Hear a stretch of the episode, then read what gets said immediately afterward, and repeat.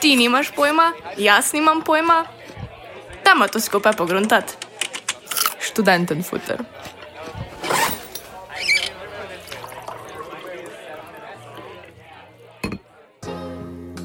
Dobrodošli v študenten futru. Tokrat se ponovno posvečamo aktualnemu dogajanju, ki se tiče študentov. V prvem delu oddaje bomo naslovili nedavne spremembe zakona o tujcih in pogledali, kako ti vplivajo na tuje študente, ki študirajo v Sloveniji. Zatem pa bomo pogledali še, kaj se je 28. maja dogajalo na študentskem kampusu, ki so ga preplavili tako imenovani nasilni protestniki. Jasno o nejasnem.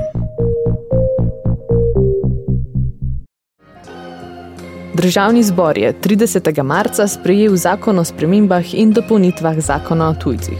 V veljavo pa je ta stopil 26. maja. Novela zakona naj bi obravnavala nastanek kompleksne krize na področju migracij. Zakaj pa točno gre? Evropski parlament in svet sta leta 2016 sprejela direktivo, ki ureja pogoje za vstop in prebivanje nekaterih skupin ljudi iz držav, ki niso članice Evropske unije. Ena izmed skupin, ki se jih direktiva tiče, so tudi tujci, ki želijo v Sloveniji študirati. Pri direktivi gre za pravni akt, ki ne začne po celi Evropi strogo veljati kar čez noč. Je dokument, v katerem so zapisani nekateri cilji in zahteve, ki jih je treba doseči. Način, kako tja priti, pa je prepuščen vsaki državi posebej. Možem in ženam v parlamentu je torej naložena naloga, da direktivo po svoje spravijo v naše zakone. Problem pa nastane, ko po spreminjanju zakonov ugotovimo, da se je položaj tujih študentov v Sloveniji potencialno znatno poslabšal. Direktiva določa, da mora tujec izkazati, da ima zadostna sredstva za preživljanje, pojasnjuje na Ministrstvu za notranje zadeve. To naj bi bil razlog za spremembo zakona o tujcih, ki je povzročil veliko zmede. Pogoji za pridobitev študijskega vizuma so se zaostrili. Zato, da študent dokaže, da ima dovolj sredstev za preživetje pri nas, je bilo prej dovolj zagotovilo staršev, da bodo ta sredstva zagotavljali. Nova sprememba bi lahko uvedla, da se od študentov zahteva veliko bolj konkretno dokazilo, saj bi morali dokazati, da imajo vlasti vsaj osnovni znesek minimalnega mesečnega dohodka, to je 402 evra mesečno. Ker pa se študentski vizumi izdajajo za eno leto, bi to lahko pomenilo, da mora tisti, ki pri nas želi študirati, pred okencem upravne enote pomahati skoraj 5000 evri. Ni lepo posploševati celotne skupine ljudi, a v tem primeru morda lahko rečemo, da poprečen študent na računu takega denarja nima. Sploh ne slovenski študent. Naj omenimo, da je trenutno v Sloveniji v različne študijske programe upisanih okoli 7600 tujih študentov kar predstavlja 9 odstotkov celotne študentske populacije. Več kot polovica tujih študentov pa prihaja iz balkanskih držav, kjer je minimalni osebni dohodek nižji kot v Sloveniji. Imeti 5000 evrov prihrankov je za veliko študentov nepredstavljivo. Kako naj si posameznik na začetku svoje študijske poti brez redne zaposlitve prisluži dovolj sredstev za preživljanje celega leta, Večina ob študiju dela, da si pokrije tekoče stroške in morda ustvari nekaj prihrankov, in marsikdo si čez noč ne bo mogel priskrbeti takšne vsote. Članica gibanja Študenti še obstajamo se sprašuje, kaj se bo zgodilo z njimi. Bo to opustili študij? Kaj s tistimi študenti, ki opravljajo študentsko delo in se na ta način preživljajo ali pa pomagajo svojim staršem? Kako se bodo počutili starši, ki so otroka poslali iz svojega doma, trdo delali, hranili denar, ko vidijo, da ne bo mogel nadaljevati svojega izobraževanja. Žal pa trenutna situacija ni prvi primer izključevanja tujih študentov v Sloveniji. Goran Lukič iz delavske hranilnice navaja, da so leta 2012 tuji študenti ostali brez državne štipendije. V luči varčevalnih ukrepov naj bi Slovenija za dve leti ukinila štipendiranje. Takratni rektor pa je v ta namen obljubljal ustanovitev sklada. Sklad ni nastal, ukinitev pa je ostala. Po raziskavah iz leta 2019 so tuji študentje tudi v slabšem bivanskem položaju. Prav tako pa niso bili upravičeni do kriznega koronskega dodatka, kakor njihovi slovenski kolegi, ki imajo stalno prebivališče v Sloveniji preteklih mesecih smo ob volitvah rektorja Ljubljanske univerze mnogo slišali o mednarodni univerzi odprti v svet.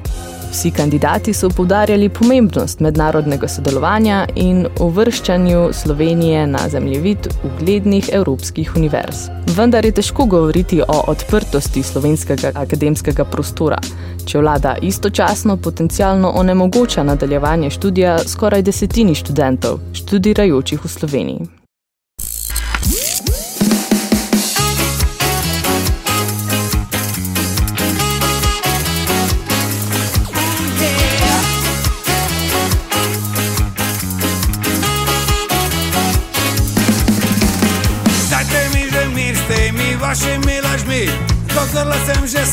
Sitek vaših laži.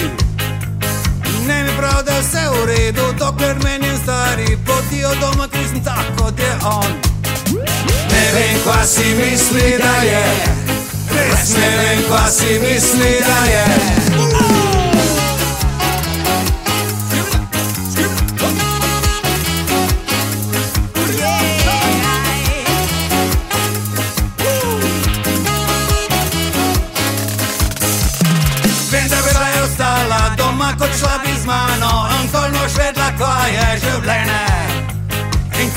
Nisem tak kot on, svine so tu in tam čez reko, ko je poč, če nisem sloven, to če sem, ne vem, kva si misli, da je.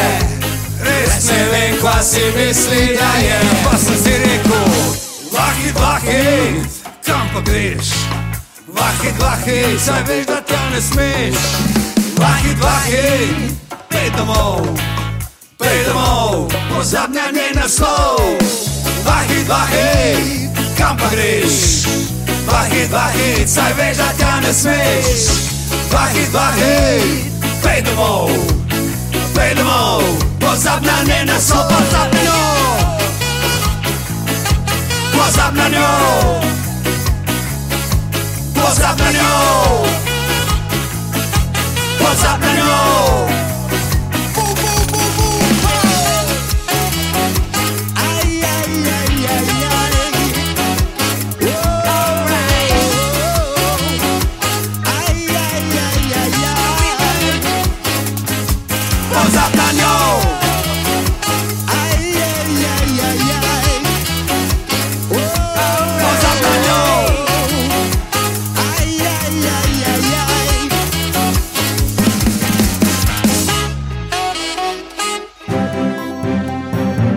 Poslušate aktualne novice iz študentskega sveta na radiju Basement. Od državne politike pa se selimo k študentski, natančneje na kampus. V petek 28. maja je potekala tako imenovana Vseslovenska ostaja za predčasne volitve. O največjem letošnjem protestu sta v kampanji XY govorili že Mojca in Sara. Mi pa se bomo sredotočili na del protesta, ki se je odvil na pivovarniški šest. Skupina študentov, ki se je udeležila protesta, se je odpravila pred kampus, kjer so svojo svobodno voljo izražanja usmerili proti študentski organizaciji Univerze v Ljubljani. Šov v Ljubljani naj bi se v prvi vrsti zauzemal za pravice študentov, a žal na to poslanstvo pozabljajo že več let veliko več energije usmerjajo v lastne interese. Več kot polovico sredstev šov namreč zapravi zgolj za svoje delovanje. Da je organizacija zgolj še sama sebi namen, je večina študentov spoznala v zadnjem letu. Ko bi pomoč najbolj potrebovali, pa smo od šov dobili zgolj navdihujoče želje z Instagrama. Po vrhu pa še poskus ukinitve Radia Študent in fundacije Študentski tolar kaj je študentska organizacija počela in predvsem česa ni, si lahko podrobneje poslušate v preteklih oddajah Študenten Futra in kampanja XY. Trenutno se bomo sredotočili zgolj na dejstvo, da je to vodilo v sporedni protest pred študentskim kampusom. Če na hitro povzamemo dogajanje. Skupina študentov je poskušala vstopiti na kampus, ki naj bi bil za študente odprt vsak dan do 9. ure zvečer. Direktor zavoda Campus Alen Rajkovič je študente celo tako povabil k obisku. Uh, vas pa vabim, vse, uh, tiste, ki gledate, mogoče v životu vsejo, tisti, ki ste na seji, ste že tako vrtni bili, da prijete na kampus, da kampus pogledate tudi živo. Kampus dobiva, uh, oziroma ima še lepšo obliko. Uh, kampus je super. Ne vemo, kaj se je spremenilo od januarske seje do danes, a študenti na kampusu tokrat niso bili dobrodošli. Poslopje kampusa se je zgleda spremenilo iz javnega v zasebno, saj so funkcionarji šov v Ljubljani protestnikom vstop poskušali onemogočiti. Zaklenili so dvoje vhodnih urad, enim pa domnevno od znotraj odlomili kljuko. Protestnikov to ni ustavilo, nekaj jih je preplezalo ograjo, vrata pa so se pod pritiskom množice kmalo udala in vstopili so na prostore kampusa. Tam so odstrnili napis show in ga zamenjali s transparentom Radia Študent. Nastal pa je tudi grafit na inventarju. Študentski funkcionari so klicali policijo o skupini ljudi, ki na kampusu dela škodo. Protestniki so se na to kmalo razbežali. Po dogodku so se predstavniki šov globoko zamislili nad svojim delovanjem in se zavezali k prevzemanju odgovornosti za svoje napake ter usmeritvi svojega dela v korist vseh študentov. No, to bi želeli, da bi se zgodilo. V realnosti pa smo po protestu lahko spremljali serijo dolgih spisov na socialnih omrežjih. Predstavniki šova so govorili o uničevanju lastnine in s prstom kazali na radio študent. Predsednik šov Klemen Petek je v izjavi po dogodku zapisal, da si nasilnega uničevanja javne lastnine ne sme dovoliti nihče, saj je to zavržno dejanje. Za celotno dogajanje je šel okrivil radio študent, posebej Hano Radilovič, ki je bila na kampusu prisotna kot novinarka radio študent. Petek je tudi napovedal prekinitev nadaljnega sodelovanja in odgovarjanja na novinarske vprašanja radia kar je kar prikladno, saj gre za medij, ki njihove napake najpogosteje daje pod drobno gled. In tako smo ponovno lahko priča že poznani igri študentskih funkcionarjev. Situacijo poskušajo izuzeti iz konteksta, oddaliti se od svojega bistva in jo prikrojiti po svojih lastnih interesih. Ob tem pa popolnoma ignorirajo sporočila protestnikov ter drugače mislečih, jih osebno celo napadajo in relativno miren sprehod po gostoljubnem kampusu označujejo kot nasilno divjanje in uničevanje lastnine. Strah in trepet pred divjajočimi protestniki je moč razbrati tudi z obrazov dveh študentskih funkcionarjev, ki sta ob njihovem odhodu novinarki Hani Radilovič zapozirala z dvignjenimi pavci tem pa smo prišli do konca 19. oddaje Študentenfutra. Vsem, ki se spopadete z izpiti, želim, da se skozi izpitno obdobje z dvignjenimi palci prebijete tudi vi in na to užijete nekaj poletnega počitka.